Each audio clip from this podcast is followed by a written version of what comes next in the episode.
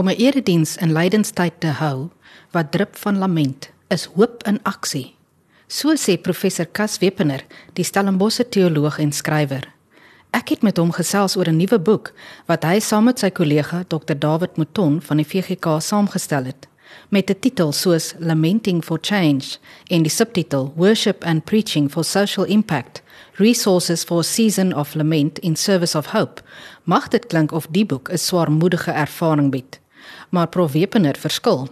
Hy omskryf dit as 'n bron wat geloofsgemeenskappe kan help om tydens lydenstyd op Bybelse wyse te kla, juis om ons te help met die blues waarin ons is.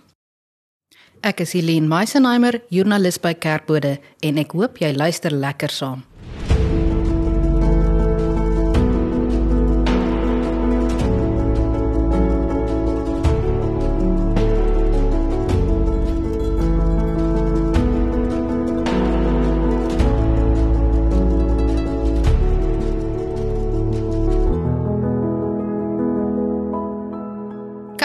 Baie welkom.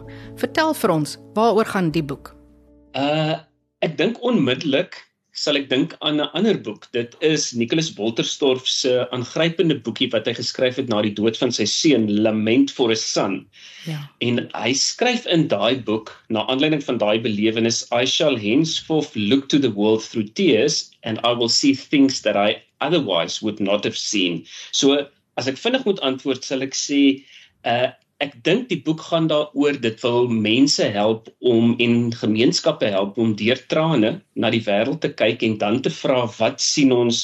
Wat sien ons dan? Want dit gaan hierso oor trane dit gaan oor klag hmm. maar nie sommer net 'n gemoun enige gekla of so nie of 'n gehuil nie. Dis baie spesifiek Bybelse klag en Bybelse klag dis waaroor die boek gaan het 'n spesifieke adres dis God die eerste twee hoofstukke van Marius Nel in die Nuwe Testament en Louis Jonker uit die Ou Testament verduidelik dit op 'n aangrypende wyse. As ek kan bysê, die boek is ook, ek sal vir die persoon ook daarom moet sê, dis 'n bronboek. So jy mhm. moet nou nie teleurgesteld wees as jy dit nou sien nie. Uh want die boek is eintlik 'n versameling, daar's mooi inleidende hoofstukke byvoorbeeld van Nico Koopman en so, maar die boek is eintlik 'n versameling preekvoorstelle. So dis 'n hulpmiddel. Um in ons fakulteit het 'n klomp kollegas, daar's 14 hoofstukke in totaal, het elkeen 'n 'n Bybelteks gevat en daarna gekyk. Terselfdertyd het hulle na ons Suid-Afrikaanse konteks gekyk en die twee bymekaar gesit en gevra wat kan ons in die lig van die Bybelteks sê? En die twee wêrelde bymekaar gebring en ek dink uiteindelik kan hierdie boek gebruik word as 'n uh, preekreekse in lydenstyd die preek kan deur individuele gelowiges en enige iemand gelees word en ek dink in Bybelstudiegroepe, klein groepe en so kan hulle met groot vrug deur die hoofstukke werk. So bietjie van 'n lang antwoord vir 'n vliegtyg, maar dis die boek. Hang af waar jy in jou vlug is, nê? Nee, nee presies, presies. Nee, so het hierdie boeke ontstaan storie. Ek het nou um gedink aan daar was die twee dominees, een van Woester en een van Piketberg, 'n hele meer as 'n eeu terug wat saam op die idee gekom het van wat gaan hulle doen met kinders wat doof en blind is in hulle gemeentes en so die eerste skool vir dowes ontstaan in Woester. Het hierdie boek ja. jy en jou kollega dokter David Mouton het wat het, het iets gebeur? Absoluut, absoluut. Baie dinge het gebeur. Ek dink, joh, as jy so vra en ek dink dan sou ek sê dis twee lyne. Dis is absolute bestuuring wonderlik dat my en Dawid se paaie gekruis het. Ons is bure hierso. Sy kantoor is reg langs myne hier by die fakulteit op Stellenbosch. En ons is al twee dominees. VG, uh, VGK dominee, dit is Dawid en ek is 'n NG dominee en ons al twee doseer hierso teologie by die fakulteit. En vir die laaste, ja, as ek vinnig dink, meer as 20 jaar is een van die temas in my werk as teoloog is ek reflekteer op ons land en ek dink aan die voortgaande oorgangstyd waarin ons is oor versoening, oor vergifnis, oor geregtigheid. Die laaste klompie jare het ek baie werk gedoen oor woede. En woede is 'n is 'n soort klag, is 'n soort lamente uitdrukking. Hmm. En David is um, hy's ook 'n prediker en hy's ook baie betrokke by ons universiteit se sosiale impakkomitee, die transformasie en die dinge. En soos wat ek en hy koffie drink en gesels het, het ons net besef maar as ons ons idees bymekaar sit sal ons bitter graag vir geloofsgemeenskappe, gemeentes en predikante iets tasbaar in die hand sit en sê kyk hierso is vir jou 'n tool, 'n stuk gereedskap wat kan help om iets te maak van hierdie tema op 'n voetsoolvlak. So dis so half die oploop. Dis eintlik 'n baie lang tyd en ons het so daarom die laaste 2 jaar intensief koffie gedrink hieroor. Is dit baie interessant. Kas ek ons jy het nou geraak aan woede as 'n vorm van lament. Ehm um, ja. dat jy baie nadink oor ehm um, ons land en oor ehm um, restituisie en oor versoening ons vier van jaar 30 jaar van demokrasie maar ek is nou versigtig om dit vier te noem want ja. ons land is stikkend. Ehm um, dorpe en stede nie hier in die Weskaap so seer nie maar die res van die land is in verval. Mense kry bitter swaar En soos jy nou genoem het, die die boek het 'n sterk deurlopende deurlopende tema van ween, van huil, van treur en om dit saam met ander te doen. So ek is seker dit gaan by baie van ons 'n diep snaar um raak. Soos jy sê die eers, maar dit is anders as moan. Vertel 'n bietjie meer hieroor. Um hoe gaan die boek hoe kan gelowiges dit help om dit saam as gemeente te doen? Absoluut, absoluut. Dankie. Ja. Ehm um, ek dink is 'n baie goeie vraag vir ons konteks vir ons land is hoe pas klag by hoop want die twee klink amper hmm. paradoksaal of is, asof hulle nie pas nie nou wat ek soms sê as ons oor oor woede praat as jy 'n uh, huweliksberader is en jy het 'n paartjie by jou wat ehm um, verhoudingsprobleme het as hulle nog daar sit en 'n bietjie fight met mekaar 'n bietjie wil beklei nê dis 'n goeie teken dit beteken hulle hulle gee nog om ja. okay die oomblik as hulle apaties raak en net daar sit en so what jy weet dis 'n gevaarlike tyd waarin ons dan is, dan weet jy o aarde. Ons is nou op dun ys. So wanneer ons nog kan klag bring, lament bring, selfs sekere forme van woede, dan dink ek, dan dink ek is dit 'n teken van dat ons land en ons mense en daar's baie klag in ons land. Hulle gee nog om. Ja. Dit maak vir hulle saak wat hierso gebeur. So dis 'n positiewe ding en en Bybelse klag is soveel meer. Ek het dit net nou ook gesê, maar die hele boek as mens deur die hoofstukke gaan, dan keer op keer via die tekste sien 'n mens maar maar dis nie net klag nie, dit is dis praat met God. Hmm. En dis baie baie belangrik. Die die teoloog van Uganda, Emmanuel Katongole, hy het 'n boek gepubliseer met die titel Born from Lament. En wat die punt wat hy maak is is hoop is 'n werkwoord. Dis iets wat jy doen, hoop. En forme van lament sê hy, forme van klag is ook iets wat jy doen so om om te kla om 'n erediens in lydenstyd te hou wat absoluut drup van lament. Dis hoop in aksie. Dit beteken ons doen dit want ons ons gee om om dit as ek dit verder kan vat 'n ander teoloog een van my gunstelinge 'n ouer ou is Walter Breugeman mm -hmm. Ou Testamentikus. Ja. En hy sê klag trane, hierdie tipe dinge is verskriklik belangrik ook in die Bybel want dit versteur ons so bietjie. Hmm. Uh trane en klag beweeg mense dikwels van apatie na 'n uh, ongemaklikheid en en ek dink aan die een kant kan ons sê trane is seep vir die siel, is goed vir my om dit tot uitdrukking te bring. Maar om ander se trane te hoor, ek wil dit nie hoor nie maar dit is goed dat ek dit hoor want dit kan my nogal skuif om my wakker te laat skrik. Ehm um, hy skryf ook en ek ek dink hy doen dit baie mooi dat hy sê baie keer ook in die Bybel word 'n nuwe droom, 'n nuwe dinge wat moontlik is in trane gebore. Hy vat die voorbeeld van Lazarus. Jesus kom, hy sien hoe Maria en die ander huil. Dan sy diep geroer, hy word ontwrig deur hulle trane.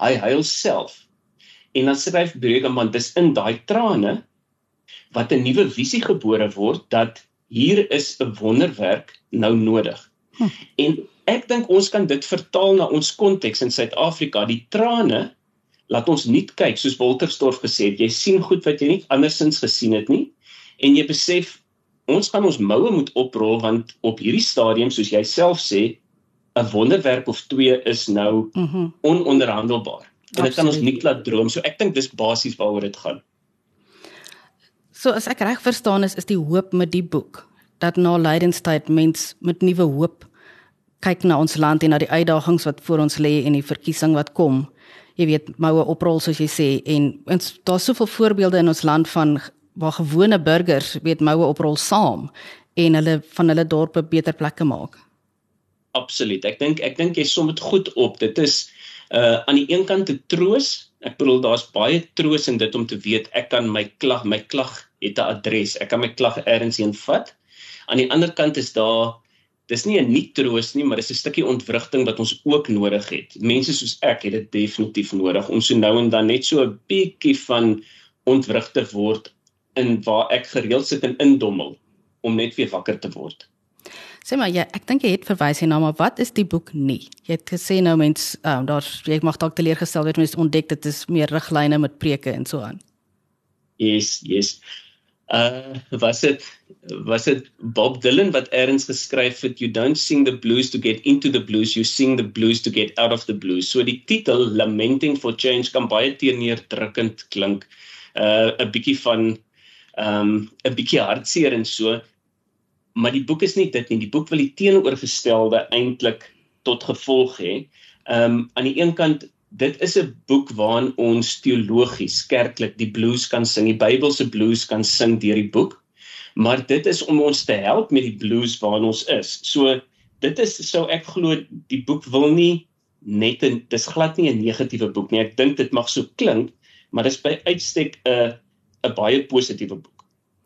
Dis dit klink absoluut besielend. Luister, ek gaan nou die besier draai na jouself toe. Jy het al redelik, jy skryf gereeld vir kerkbode en jy het al baie geskryf oor lydenstyd. Ek het nou raak gelees in voorbereiding vir ons gesels dat jy het in COVID tyd geskryf oor die rus en gerusstelling wat die hou van bekende ritmes inhou soos die vier van hmm. ehm mm. um, ehm um, lydenstyd.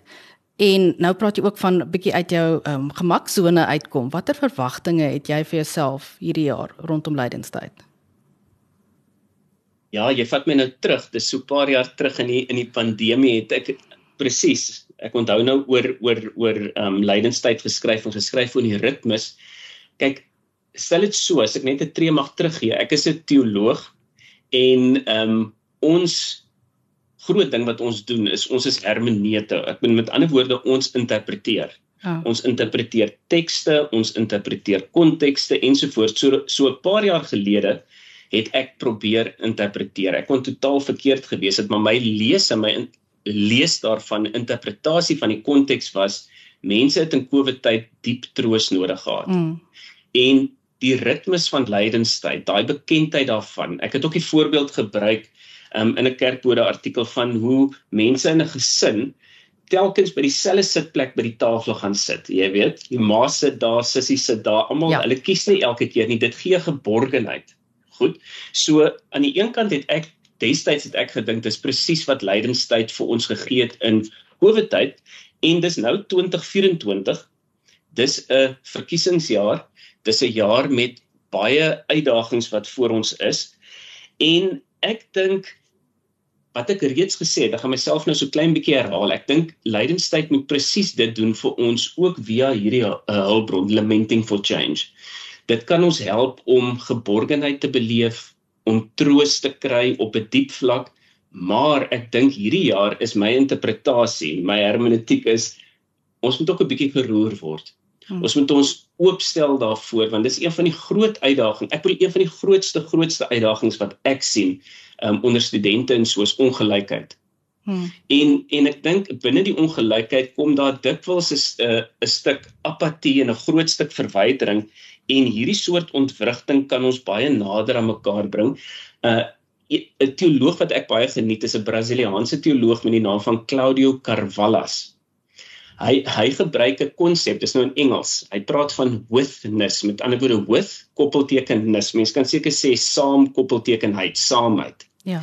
En hy sê wanneer 'n mens bid en mense kan nou van bid praat, van preek, van eredienste hou, van enigiets doen in geloofsgemeenskappe, dan moet dit wees in withness. Met ander woorde, hy sê ons moet van 'n voetsoolvlakheid saam met die armstes, mees gemarginaliseerdes van die wêreld moet ons bid. Ons moet sorg dat ons dit so doen sodat wanneer ons hulle hoor, hulle trane hoor, hulle klag hoor, ons in daai soort verbondenheid dat dit wie ons is en hoe ons bid ook skuif en verander. So jy vra oor lydenstyd 2024 Ehm um, my droom sal wees nogal 'n harde droom dink ek dat iets hiervan kan waar word in ons in ons gemeentes. Ja, dit laat my dink ek is nou 'n baie bekende dalk 'n klise. Jy weet, mm. to walk a mile in another man's shoes. Um ek dink dit kom uit Amerikaanse Indiane walk a mile in another man's moccasins dat jy jou yes. in ander se voetsole sit. Ek, ek gaan nou net 'n laaste vraag. Jy het jou stuk eerste stuk in die boek begin met 'n verwysing na 'n bekende lied uit die 1980s Weeping. He ja. was not roaring, he was weeping. Um en dit het my geklink dat daar is soms wat vir ons kan klink na roaring. As jy mooi luister dan is dit eintlik 'n geween. Wil jy iets iets meer daaroor rondom sê? Ek ek ek sal graag ek het reg in die begin nou ook gesê weet soos in die boek se drome is laat ons anders kyk maar ons kan dit opmaak om anders te hoor. Hmm. en dikwels hoor ek daar buitekant 'n lawaai. Ek hoor hoe mense betoog byvoorbeeld protesoptogte en iets meer. En dit klink vir my asof hulle vir my brul en asof hulle my wil byt. Maar ek dink soms kan ons 'n tweede keer luister en fyner luister.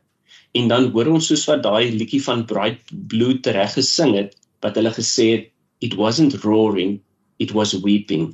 Dit wels is dit die is dit eintlik trane in ons midde wat vir ons na die gebrul van 'n leeu kyk maar dis eintlik sagte snikke. En dit is by uitstek daai snikke wat ons ek dink wat ons moet raak hoor in ons liturgie daai trane.